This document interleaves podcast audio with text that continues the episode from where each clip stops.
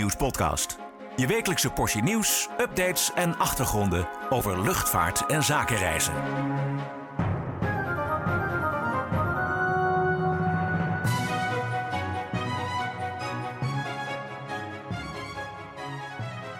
Ja, hallo en welkom bij weer een nieuwe Luchtvaartnieuws podcast. Uh, ik zit hier met mijn collega Richard Schuurman. En uh, er is weer genoeg uh, te bespreken deze week, Richard. Het was een druk weekje. Heel veel nieuws van letterlijk alle fronten van de wereld. Van Australië tot Amerika en natuurlijk in ons eigen land. Ja, precies. Nou, we moeten, we moeten een beetje kijken wat we allemaal kunnen behandelen in één podcast. Anders zijn we uren bezig. Maar laten we even beginnen met het lokale niveau. Lelystad Airport. Voor, voor jou en mij geen geen onbekend terrein. Moet jij, uh, het is een thuiswedstrijd van mij. Het is een thuiswedstrijd en je werkte jarenlang letterlijk naast de deur. Uh, en uh, nou goed, voor mij ook waar het allemaal begon als kind. Mijn eerste schreden in de luchtvaart. maar goed, Lelystad Airport, ja, we, we, hebben er genoeg over gezegd en geschreven de laatste jaren. Want er moet van alles gebeuren. Hè, maar alles staat ook nog steeds stil. Desalniettemin meende Lelystad Airport deze week een, uh, een feestje te moeten vieren. Jij was erbij. Wat was de gelegenheid en ja, wat is er allemaal gebeurd? Nou ja, dit jaar bestaat Lelystad Airport, of Luchthaven Lelystad zoals het ooit uh, heette, 50 jaar. Officieel op 19 november, maar ze begonnen uh, donderdag met een aftrap voor het jubileumjaar waarin ze nog niet willen onthullen wat ze allemaal gaan doen. Maar er zouden toch wel wat verschillende evenementen zijn, ook voor publiek uh, dat dat kan doen. Maar of daar een open dag van de nieuwe terminal bij zit, dat weet ik niet.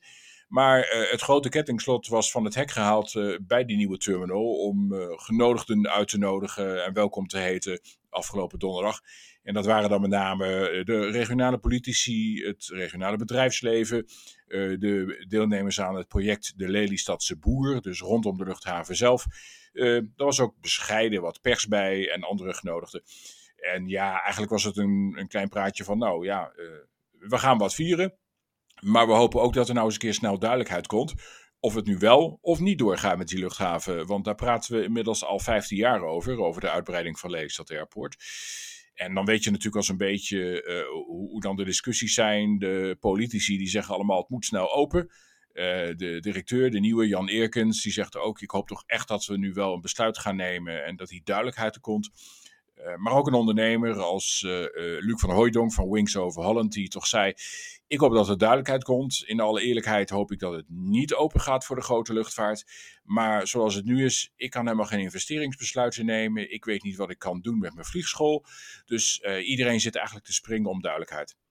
Ja, precies. Want dat is al jaren gaan inderdaad, zoals je zei. Ik bedoel, verschillende verkeersministers hebben hun tanden op stuk gebeten op dat dossier. Yep. Uh, hè, het heeft lang geduurd voordat er überhaupt een eigen verkeersleiding kwam. Nou, die is er inmiddels. Ja. Uh, maar goed, er zijn verschillende maatschappijen geweest die hebben gezegd, we willen het gaan proberen. Ik herinner mij uit, was het jaren 90, begin jaren 2000, Rosair nog. Die zeiden van, nou, we gaan regionale vluchten doen ja. vanaf Lelystad. Door Tineke Netelenbos nog naar Lelystad ja. gehaald. Precies, precies. Um, nou goed, uiteindelijk niks van gekomen door meerdere redenen. Maar waar staan ze nu? Ik bedoel, het gaat, om, het gaat over laagvliegroutes. Het gaat over stikstofrechten uh, die moeten worden gekocht of inmiddels zijn gekocht. Ja, hoe reëel is, is, is die wens van de nieuwste nieuwe luchthavendirecteur dat het nu echt open gaat? Uh, ja, dat is een lastige, want uh, kijk, hij verwijst naar minister Harbers en die zegt het moet aan twee voorwaarden voldoen. Uh, Airport moet een geldige natuurvergunning hebben. Nou, daarvoor is probleem 1, uh, je moet het probleem voor de stikstofuitstoot oplossen. Nou, dat ligt heel gevoelig in dit land, dat weten ja. we maar al te goed. Ja, Airport heeft dus samen met Schiphol Groep boerderijen opgekocht. Voor Lelystad hebben ze er drie opgekocht in Gelderland. Ze zeggen, we hebben zelfs zoveel stikstofrechten nu dat we nog weer wat kunnen teruggeven aan, aan de boeren. Uh, dus dat is dan voor de eerste 10.000 vliegtuigbewegingen hebben ze genoeg. Maar ja, in Gelderland is fel verzet tegen überhaupt het opkopen van die drie boerderijen. Dus die willen daar niet aan meewerken. Dus de vraag of Lelystad Airport die uh, uitstootrechten wel kan gebruiken en dus een natuurvergunning kan aanvragen die ook nog stand houdt bij de rechter, dat is nog een hele lastige. Nou, dan het andere probleem, hè, de, wat in de volksmond de laagvliegroutes is gaan heten. Ja, ja. dat zijn de routes ongeveer op 6000 voet, uh, 1,8 kilometer, die over Gelderland en uh, zouden uitvliegen en via Overijssel zouden invliegen richting Lelystad. Ja, daar is het meeste van opgelost. Uh, Gelderland klimt hoger en sneller, waardoor je minder last hebt. Het probleem zit hem nog in Overijssel om precies te zijn bij de Lemelerberg of Lemelerveld. Mhm. niet dat die berg in de weg ligt, maar eh, je hebt daar... Het is, eerder, het is eerder een kuil dan een berg volgens mij. Maar... Nou, Ja. het- is een, het is een hobbeltje. maar je hebt er de, in de het zweefvliegers eh, in de buurt. Eh, Ja. Maar je hebt eh, daar dat de vliegtuigen op 1,8 kilometer zouden dalen, naderen vanuit Duitsland richting Zwolle. Ja, dat vindt men in de Overijssel te laag. Men vindt toch dat dat hoger moet. Maar, zegt Luchtverkeersleiding Nederland, ja, dat is een knelpunt met ehm, het Schipholverkeer wat er nog hoger overheen gaat. Defensieverkeer wat daar zit. Daar komt heel veel samen. eh, en daar moeten ze een oplossing voor eh, zoeken. Nou ja, minister van Nieuwhuizen en eh, de huidige minister Harbers zeiden dat is heel lastig. Maar ik hoorde donderdag toch wel van Luchtverkeersleiding Nederland van nou, we hebben zeer goede hoop dat we hier uit gaan komen. Dus dan is dat probleem op opgelost. Dan is het uiteindelijk aan de minister om te bepalen: heeft uh, Leesat Airport alle papieren en vergunningen en de hele handel op orde? Dan kan hij besluit nemen. Maar dan moet hij weer langs de Tweede Kamer. En daar is dus de vraag: hoe is op dat moment de stemming? Ja, er zijn heel veel partijen tegen die uitbreiding van Leestad vanwege klimaat uh, en, en, stikstofzaken. Dus uh, dat wordt echt nog wel een lang iets. Dus ik denk dat we er niet zo zijn als hij in 2024 een besluit neemt, minister Harbers bedoel ik, dat we dan uh, een maand later al Transavia zien landen hier. Dat, ik, ik, vermoed zelf wel dat we een gang naar de Raad van State gaan krijgen. En ja, dan wordt het misschien wel nog weer een paar jaar later. Dus ga je koffer niet pakken. Nee, ik wil zeggen, zouden wij het nog gaan meemaken tijdens onze carrière? Maar goed. Um, ja, ja minister... ik, weet niet hoe lang blijf jij? ja, nou ja. Ik, uh, Kunnen, we moeten nog even. Ja, ik wil zeggen, ik heb geld nodig om, uh, om uh, boodschappen te kopen. Maar, nou ja, ik, ik volg dit dossier nu 25 jaar en het is dus nog niet open. Nee, nee, precies. Nee. Nou goed, en minister Harbers heeft natuurlijk nog meer eh, te besluiten. Yep. Want ja, Schiphol moet krimpen. Dus ja, in dat licht zou je zeggen, kun je het dan verkopen dat Lelystad open mag. Maar goed, dat terzijde. Uh, Schiphol moet krimpen, vindt althans de politiek. Vindt niet Schiphol zelf, vinden ook niet de airlines. En ook een groot gedeelte van onze luisteraars ongetwijfeld niet. Um, ja, de, de, de, de, stelling was, uh, jullie moeten krimpen. Schiphol zegt 460.000 vliegbewegingen per jaar. Daar trekken wij de limiet. Minder, ja. dat gaat niet. Eh, KLM heeft ook eigenlijk gezegd, 470 is eigenlijk hè, de ondergrens. Want anders moeten we echt uh, tientallen uh, uh, vluchten en dus ook bestemmingen gaan schrappen. Of minder gaan vliegen in elk geval. Eh, maar die minister zegt nu, nee ja, 440.000, take it or leave it. En snel ook. Hij speelt het hard, hè? Ja, hij zei dat Hij vrijdag hard, ja. voor, de, voor de ministerconferentie, de ministerraad. Ja, Ruud Zondag zei in de zienswijze die ze van de week hebben ingediend op de zogeheten experimenteerregeling. Uh, ja, wij willen eigenlijk naar die 460 toe. Uh, vind ik wel iets opvallends trouwens. In het laatste Kamerdebat uh, ging het ook over die 440.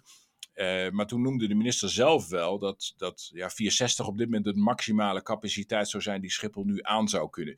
Dus daar, daar zit wel ergens een, lijkt het een soort van speelruimte tussen 440 en 460.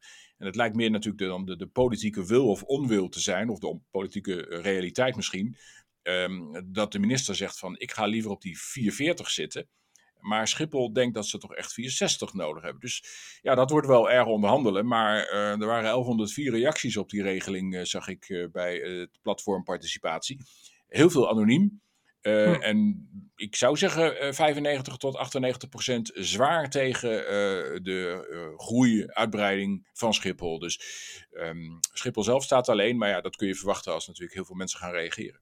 Ja, zeker als ze anoniem gaan reageren. Hè? Want het is een beetje, ja... Maar ja, wat gaat... Uh, wat ben gaat, je belanghebbend? Daar ben je belanghebbend, want ik zie ook mensen die, uh, die echt wel verder weg wonen. Maar natuurlijk Ja. ook wel uh, de gemeente Alsmeer of, of anderen in de buurt. Dat zijn mensen die toch een ander belang hebben dan als je in, in een ander deel van het lang, land woont, zou ik zeggen. Maar ehm, ja, deze zienswijzen zullen uiteindelijk allemaal worden beoordeeld. En dan komt er een antwoordnota. En eh, dan zal de minister duidelijk maken eh, of hij inderdaad zegt: 440 is eh, voor mij de grens. En eh, Schiphol, je kan eh, fluiten naar die extra eh, vliegtuigbewegingen. Ja, tenzij, hè, want dat was ook een, eh, een, een, een maar in, het, eh, in, in de uitspraken van de minister. Van, hè, je, je, mag groeien als je maar niet meer geluid produceert dan wat 440.000 vluchten op dit moment doen. Hè. Dus als je stillere vliegtuigen eh, kunt gaan inzetten, tenminste als je de airlines daartoe kunt stimuleren, dan zou er groei bespreekbaar zijn. Ja, maar eigenlijk zegt Schiphol ook van ja, dat kan ook bij 460. En wij vinden het prima, maar er moet nu eens een keer een keuze worden gemaakt. Uh, een heldere keuze. En zij leggen gewoon de lat wat hoger. Dus uh, daar zit het, het verschil in de discussie. Eigenlijk willen ze allebei wel hetzelfde. Maar Schiphol wil, en dat is natuurlijk niet uh, verrassend, net iets meer omdat daarmee eigenlijk het, het netwerk dan beter overeind kan blijven voor, voor Nederland en voor Schiphol. En dus ook de business case. Daar ja, komt het eigenlijk op neer. In elk geval moet er snel een besluit worden genomen. Want op 4 mei moet de slotcoördinator uh, de uh, slotcapaciteit voor komende winter uh, publiceren. Hè, ja. Waarop de airlines kunnen, nou ja, airlines gebruik van kunnen maken. Die moeten ook weten waar ze aan toe zijn. Om ja, er is wel haast bij. Te plannen, ja. Er is wel ja. haast bij voor dat aantal, ja. Ja, precies. Is, is er nou duidelijk dan, ja, is het duidelijk of, of Harbers dat gaat halen? Wordt krap. We zitten inmiddels al bijna in maart. Uh, het verwerken van 1100 reacties in een, in een reactienota, dat is flink wat werk voor ambtenaren. Goed, daarmee kan de minister zijn positie in wel bepalen, maar vaak zit daar nog ook weer een reactietijd aan vast en een verwerkingstijd. Dus uh, je zou zeggen, misschien lukt het net wel. Hè? Het is nog heel maart, heel april. Maar het wordt flink doorwerken. Maar uh, ja, ik, ik, denk ook wel dat het belangrijk is dat die deadline gehaald gaat worden. Ja, precies. Nou goed, zit er, nog een paar vakanties, uh, zit er nog een paar vakanties tussen. Dus de meivakantie. ja, ja, dus, dus ja, dat, dat, wordt, uh, dat wordt hard doorwerken daar in Den Haag. Nou goed, we gaan het zien.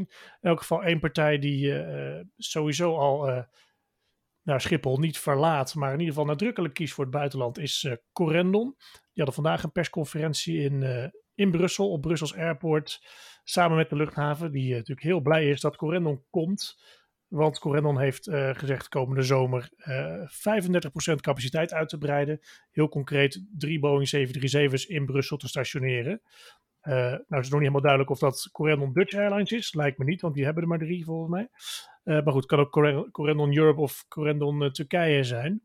Hoe dan ook is het een duidelijk signaal van Corendon aan Schiphol. Hè? Die zeggen van we vertrouwen niet sowieso dat je de chaos van afgelopen zomer niet nog een keer gaat hebben deze zomer. Dus we, voor de zekerheid uh, sturen vast reizigers naar, uh, naar, naar Brussel. En ze hebben ook aangegeven dat ze meer regionaal willen gaan doen. Uh, zou natuurlijk ook een reactie kunnen zijn op het feit dat Harbers zegt er moeten 32.000 nachtvluchten van Schiphol af. Want een, een, vakantiemaatschappij als Corendon vliegt natuurlijk heel veel in de nacht. Ja, dat zijn vooral de vakantievluchten die daarin zitten. En, en waarvan Schiphol van de week in de zienswijze zei... het is uh, dus 460.000, inclusief 32.000 nachtvluchten. Dus ja, als dat voor Corendon inderdaad een, een, een breekpunt wordt... maar Brussel heeft ook wel een probleem. Hè? Als je de, de, Belgische media leest, dan speelt de stikstofdiscussie daar net zo hoog op als, als hier inmiddels. En eerder waren er al berichten dat ze ehm, misschien ook daar een natuurvergunning uh, uh, kwijtraken. Of, of dat het allemaal niet in orde is en dus het hele functioneren van Brussels Airport op het spel staat. Maar Brussels lijkt één troef te hebben op dit moment dat zij minder operationele problemen lijken te hebben dan daar waar Schiphol maar steeds tegenaan loopt. En dat is natuurlijk wat Corendon ehm, die wil proberen omzet te halen. Dus het is alleen de vraag, gaan de reizigers dat allemaal boeken? En het zal natuurlijk voor mensen in het zuiden en midden van het land makkelijker bereikbaar zijn. Maar ik verwacht niet dat als je in eh, Drenthe en Groningen woont, dat je dan helemaal naar Brussel gaat rijden voor je zomervakantie. Dan neem je die rij uh, bij de bewaking en de controles op Schiphol maar voor lief, denk ik.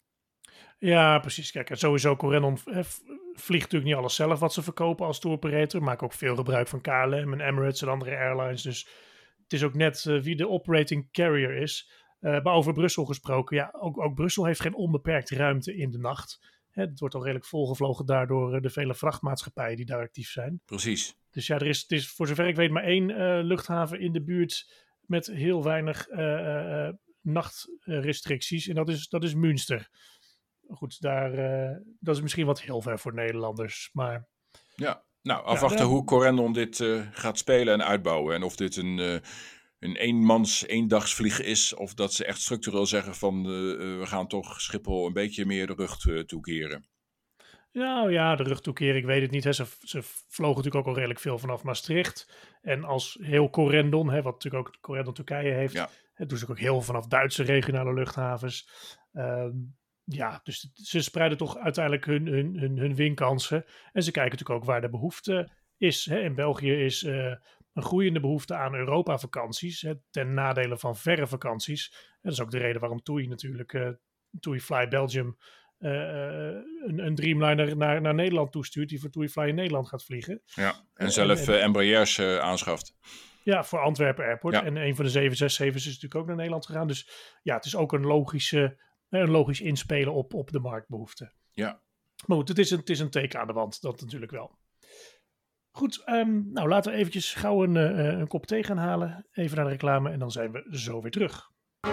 Word nu abonnee en ontvang 12 keer per jaar het Luchtvaartnieuws magazine. En onbeperkt toegang tot nieuws en achtergronden op luchtvaartnieuws.nl en zakenreisnieuws.nl. Ga voor meer informatie naar luchtvaartnieuws.nl/slash abonneren. Ja, welkom terug. We gaan even verder met de Boeing 787. Want Richard, er zijn weer problemen. De vraag doet zich op: uh, wat is er nu weer aan de hand? Ja, berichten eerst in de Wall Street Journal en later bevestigd door Reuters dat er, uh, ja, het lijkt eigenlijk meer een papieren probleem te zijn. we weten allemaal dat, en dat hebben we hier eerder ook besproken in een podcast, de Boeing 787 uh, heeft al een paar jaar kwaliteitsproblemen, productiekwaliteitsproblemen, dat bepaalde onderdelen niet aan de, aan de hele strenge productie-eisen voldoen. Nou, dat was allemaal opgelost, leek het. Hè. Boeing moest een, een, pak papieren leveren met allemaal voorwaarden, regels en, en, en hoe ze het gaan aanpakken bij de FAA, de Amerikaanse luchtvaartautoriteiten. Die zeiden vervolgens, nou oké, Boeing, ga maar weer afleveren. Dat gebeurde afgelopen augustus. Maar nu blijkt toch dat er ergens in, in die papieren, uh, zoals het wordt genoemd, een analysis error lijkt te zitten een, een, fout, een rekenfout, een verkeerde, misschien een verkeerde inschatting. En dat specifiek voor het voorste uh, drukschot, de forward bulkhead. Die zit dus helemaal in de neus van, van de Boeing. Alweer, want daar waren, eerder ook problemen mee. Daar waren eerder ook problemen ontdekt. En dat, dat is een onderdeel dat uh, samen met die hele neussectie wordt gemaakt door het bedrijf Spirit Aerosystems in uh, Wichita. En ja, die gaven richting Reuters aan van nou, wij weten nog niet zeker of we al echt hier een analysis error, een fout hebben. Of uh, die probeerden toch te zeggen, we weten het nog niet en misschien valt het allemaal wel mee. En dat is in ieder geval wat dus nu uitgezocht moet worden. Maar voorzorgshalve heeft Boeing gezegd, oké, dan zetten we de boel maar weer even op pauze. Dus uh, sinds 26 januari is er geen Dreamliner meer afgeleverd. De laatste ging toen op die dag naar Qatar Airways. En er zijn er in januari maar uh, drie afgeleverd. Maar er zit er eentje bij voor de KLM. En die is op, was op vrijdagmiddag, uh, toen wij deze podcast opnamen, onderweg naar Tanzania. dus die vliegt wel. En die is 6 januari afgeleverd. Dat is een 7817. Um, maar het is nog moeilijk in te schatten of, of die toestellen die al eerder allemaal zijn geïnspecteerd en gerepareerd, of die nu nog een keer weer bekeken moeten worden, of er toch nog wat anders aan de hand eh, is. En dan hebben we het eigenlijk over 31 Dreamliners die vorig jaar zijn gerepareerd en afgeleverd. En dan die drie van januari. Dus het, de aantallen zijn op zich heel beperkt. Maar ja, het is weer het zoveelste bewijs dat uh, de, de, controles aan de ene kant heel scherp zijn. Want het is Boeing mhm, opgevallen mm -hmm, dat er ja. iets niet goed was. Maar het is blijkbaar toch wel heel moeilijk om het allemaal heel goed te krijgen. Ja, ja precies. Zo goed. Hè? De, de, de, de, de leek zal zeggen van zijn die Dreamliners dan nog wel veilig om mee te vliegen. Maar vooralsnog vallen ze nog niet in de lucht uit elkaar, toch? Uh, dat mag ik hopen van niet. Boeing zegt er is geen uh, uh, veiligheidsrisico bij dit probleem. Dus het gaat echt waarschijnlijk om hele kleine marges. En misschien staat het op het papier of in het digitale papier, om het zo te zeggen, net iets anders als dat het misschien elders opgeschreven had moeten worden. Uh, maar zullen ze het uh, moeten inspecteren om te kijken of er inderdaad een afwijking is in, in een marge rondom dat drukschot. Maar nee, er is geen veiligheidsprobleem, want anders had KLM die Boeing echt niet de lucht ingestuurd. Dus dat, ik denk dat het redelijk meevalt. Maar ja, na de zoveelste berichten hierover haalt dit toch altijd wel weer het gespecialiseerde luchtvaartnieuws. Dus bij ons ook. Ja, ja, zeker. zeker. Nou, een van de gebruikers van uh, de Dreamliner is Air Europa uit Spanje. Ja. Uh, daar was deze week ook nieuws over, want na heel veel wel eens niet eens worden ze nu wel overgenomen. Is het voornemen? De, ja, is het voornemen door de International Airlines Group, uh, IEG. Ja. Um, ja, dat, dat, dat was nogal eventjes een, uh, nou, een soapserie is overdreven. Maar hè, eerst was het van we willen, we willen Europa kopen voor een miljard toen uh, brak de coronacrisis uit. Uh, toen zeiden ze in één keer, we waarderen jullie op 500 miljoen. Hè, dus uh, de helft. toen ging het weer niet door, toen wel, toen niet. Hoe, hoe, hoe zit de situatie nu? Nou, uiteindelijk uh, koopt IAG uh, eigenlijk dus uh, Europa voor die 500 miljoen die ze in 2020 zeiden dat is het maximum wat we ervoor gaan geven. Ja. ze hebben in 2022 een, een lening gegeven van 100 miljoen. En daar zat een voorwaarde bij dat ze die konden omzetten in 20% van de aandelen. Nou, dat heeft IAG gedaan. Dus ze hadden al 20% van Air Europa. Mm Nou, uh, het werd wel spannend van wanneer uh, worden die onderhandelingen nu eens een keer afgerond. Want ik geloof dat er een harde deadline stond op 31 maart. Ja. Uh, maar nu kwam dus gisteren, een dag voordat ze de, dat was dus donderdag, een dag voordat ze de jaarcijfers bij IAG bekend maakten kwam het bericht dat ze dus ook de overige 80% eh, gaan kopen. Nou, daar betalen ze 400 miljoen voor. Uh, tel je dan die 100 miljoen die ze al eerder als lening hebben verstrekt, Bob, dan kom je op 500 miljoen. Maar eigenlijk is het toch iets meer. Want uh, Louis Gallego, de, de topman van International Airlines Group, die zei vanochtend: ja, we hebben ook nog tussentijds een, een soort boete moeten betalen aan Air Europa van 75 miljoen. Omdat wij eenzijdig de eerdere overeenkomst hebben opgeheven. Uh, dus ja, dan kom je dus op een 575, 600 miljoen uit wat IAG ervoor neertelt. Maar ze willen het dolgraag hebben, want het is een belangrijke toevoeging aan ja, de hub Madrid-Barajas Airport. Want dat willen ze echt tot een hele sterke hub maken in Zuid-Europa. Waar Europa eigenlijk, ja, de naam zou geloof ik wel blijven bestaan. Dat hebben ze tenminste altijd beloofd. Ja, maar ja. Eh, het wordt toch wel gewoon helemaal geïntegreerd in, in dit Iberia-netwerk. En daarmee willen ze dan toch uh, de, de Zuid-Amerikaanse, Caribische markt gaan bedienen. Uh, zelfs ook Azië verder hm. gaan aanvliegen. om daarmee ja, tegenwicht te gebieden aan, aan andere belangrijke hubs. En dan kun je denken aan, aan misschien Rome straks, als dat met ITA Lufthansa uh, wat zou worden. Maar ook Parijs. Ehm, en uh, dat zijn toch ook wel de sterke posities daar. Maar ze moeten nog even langs Brussel. En ze moeten nog even langs Madrid. Ja. voor de toestemming van de, ja, de, de, de, goed, je moet goedkeuring hebben. De Europese Commissie kijkt naar de concurrentiebedingingen? Uh, is hier sprake van uh, een aantasting van, van, van, de competitie? Hebben reizigers straks nog wel keuze? Maar in 2021 zeiden ze, nou, dat is op een aantal routes toch wel straks weg. Want je hebt geen keuze meer. Je hebt daar alleen, alleen nog maar Europa, Iberia. En, en dan heb je dus luchtvaartmaatschappijen van één bedrijf. Dus um, ik denk dat Brussel wel een um, flink lijstje met voorwaarden gaat stellen. Willen ze Air Europa gaan, gaan goedkeuren? Ja. Dus dat, Zullen ze routes uh, moeten opgeven waarschijnlijk. Hè? Want als je kijkt dus naar, ja. ja. als, je, als je de Europese luchtvaartkaart als op een monopoliebord zou leggen, dan heeft, heeft International Airlines Group heeft nu Groot-Brittannië hadden ze al deels hè, met British Airways. Ja. Uh, uh, maar zeker Spanje hebben ze dan natuurlijk uh, Iberia, ja. Vueling en Europa. Daar hebben ze gewoon alle drie de straten in dezelfde stad. Hebben ze, kunnen ze een hotel gaan bouwen. Ja, en, en Gallego, die met zijn gebroken been thuis zit naar een onfortuinlijke sporten. Hij zei, ja, sporten is, niet alle sporten zijn voor een 54-jarige even goed, zei hij vanochtend in de, in de pers of in de analistenconference. Ja. Um, maar hij, hij is wel zo scherp dat hij strategisch om zich heen kijkt. Dus hem werd gevraagd op een gegeven moment, en, en is uw bordje nu vol als u Europa ja. heeft? Of heeft u misschien ook nog interesse in TAP Portugal, TAP Air Portugal moet ik tegenwoordig zeggen. Ja. En ja, dat sloot hij niet uit. En dat is wel een interessante, nadat we vorige week Ben Smith uh, hebben horen zeggen dat hij dat eigenlijk Precies. ook wel interessant vindt. En Frans KLM wil dat ook graag hebben. Nou ja, zeker ja. als je naar het Iberisch Schiereiland kijkt, anders is het alleen maar... Dan, hebben we, dan hebben we Ierland, Groot-Brittannië, en Spanje en Portugal, wat allemaal onder dezelfde uh, groep valt. Ja, dat, maar uh, ja. dat zou denk ik wel een, een behoorlijke kluif worden voor de Europese Commissie ja. om dat goed te keuren. Maar buiten dat heeft, heeft, heeft die groep daar überhaupt geld voor om dat allemaal zo te kopen? Nou ja, ze zijn weer winstgevend. Uh, Air France was vorige week natuurlijk ook uh, winstgevend. 728 miljoen netto winst bij Air France KLM. Um, IAG maakte vrijdag een winst netto van 431 miljoen bekend, dus dus ietsje minder.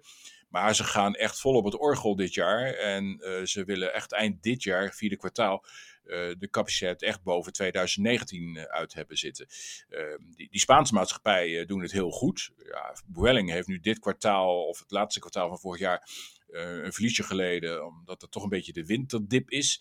Maar Iberia draait heel sterk en Vueling gaat even 30 nieuwe routes openen in de zomermaanden.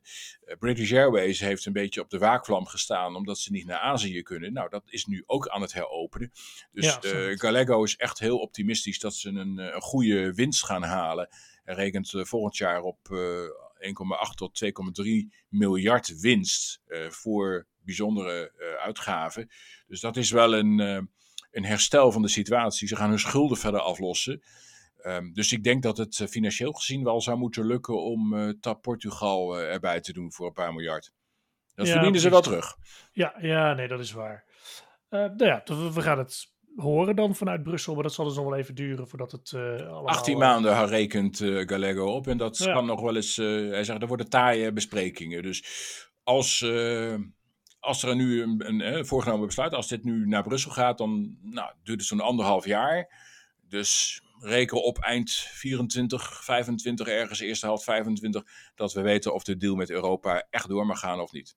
Ja, en ze zeggen ook erbij, hè, van totdat het rond is gaan we echt als concurrenten door het leven en niet, ja. uh, niet stiekem uh, al als, uh, als partners. En dat, dat mag inderdaad ook niet. Dus, ja. ja. Dus de familie Hildago van Globalia moet nog even wachten voor de bijschrijving van de 400 miljoen plus rente, denk ik. Ja, nou, we hoeven geen medelijden met ze te hebben. Ze, ze hebben al geld genoeg in huis, maar hiermee zijn ze echt, echt compleet binnen. Um, nou, maken we even een, een, een behoorlijke sprong van Spanje naar India. Uh, want Indigo, die hebben al, nou, hoeveel, hoeveel honderd Airbussen hebben ze in bestelling? Uh, in ieder geval, er, er is een nieuwe order bij Airbus aanstaande. Ehm, ja, het gaat om aardig wat toestellen weer. Hè? Allemaal, allemaal, allemaal A320 Neo's uh, en 321 Neo's, als ik het zo begreep. Ja, we weten niet hoeveel ze er precies zouden willen kopen. Maar ja, de maatschappij heeft enorme groeiplannen. En dat blijkt dus wel dat er nu geruchten zijn. En die werden eigenlijk een beetje ingefluisterd door de Franse minister van Financiën, Bruno Le Maire.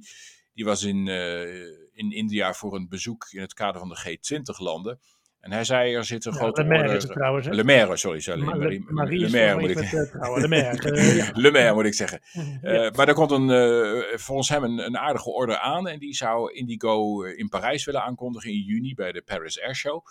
Um, ja, men heeft op dit moment nog inderdaad vele honderden toestellen in bestelling staan bij Airbus. Dus ja, de, de directe... 500 ongeveer. Ja, zoiets. Dus dat, uh, maar Indigo in een enorm groeiland als India uh, wil daar natuurlijk wel bovenop zitten. Moet ook deels alweer vloot vervangen. Maar ja, zo rond 2030 zou het misschien toch wel behoefte kunnen zijn om dan alweer wat nieuwe toestellen te introduceren. Nou, het ja. toeval wil dat Rob Somson van Luchtvaartnieuws vandaag met Pieter Elbers in India een, een, een broodje heeft geprikt. En, en, ja. en, en onder ons een broodje. ja. hij, is, hij is bezoek daar, dus... Um, hij heeft daar uh, voor mij ook over gesproken met hem, maar daar kwam niet echt een bevestiging uit. Hè? Pieter Elbers zei nee. toch, nou ja, eh, daar gaan we, kan ik eigenlijk niets over zeggen over die mediaberichten. Uh, ik geloof dat hij alleen kwijt wilde, eh, wij hebben tot 2030 uh, met de toestellen die we nog krijgen, hebben wij voldoende toestellen. Ja, precies. Dus... Nou goed, zo, zo, kennen we Pieter Elbers ook natuurlijk. niet, niet, voor zijn beurt, niet voor zijn beurt praten. Goed, dat zouden de, de eigenaars van Indigo ook niet echt waarderen, denk ik. Uh, maar goed, nou ben benieuwd. Nou, we, we zijn erbij uh, in Parijs uh, later dit jaar. Ja. Dus misschien kunnen we het nog live meemaken, die order. Ja. Maar goed, als je kijkt naar wat Air India natuurlijk allemaal aan toestellen heeft besteld. ja, kan, kan Indigo natuurlijk niet achterblijven hè, in, de, in de race. Nee, Want en, op de tweede van het land daar. Je moet er een beetje bij blijven. Dat, dat, ja, het is een enorme groeimarkt en ook de andere maatschappijen daar uh, zijn druk aan het investeren. Dus uh, daar, daar gebeurt echt wel wat in, in dat land. nou, meer over wat Pieter Elbers beweegt en, en drijft en meemaakt in India, dat kun je binnenkort lezen. we hebben uiteraard verhalen op de website, maar een uitgebreid portretverhaal met Pieter. dat is te lezen in het maartnummer van Luchtvaartnieuws, wat half maart te koop zal zijn. Maar je kunt ja, het al bestellen, toch? Ja, nee, je kunt het al bijna bestellen. Ja, het 15 maart komen we uit. Eh, de, de voorverkoop gaat van start. We zijn uh, druk bezig met de productie, dus die staat binnenkort in de webshop. En uh, ja, volgende week gaan we nog wel eventjes van Rob zelf horen, ongetwijfeld iets over zijn avonturen in, in India. Maar goed, dat bewaren we wel even tot volgende week. Ja. Onze huidige zendtijd loopt ten einde. Um, Hopelijk dus ben je ja, weer bij. als luisteraars en wij zelf natuurlijk ook, want we leren ook van elkaar. Dus nee, volgende week zijn we er weer met een nieuwe podcast. Dus ik zou zeggen, een fijn weekend en tot dan.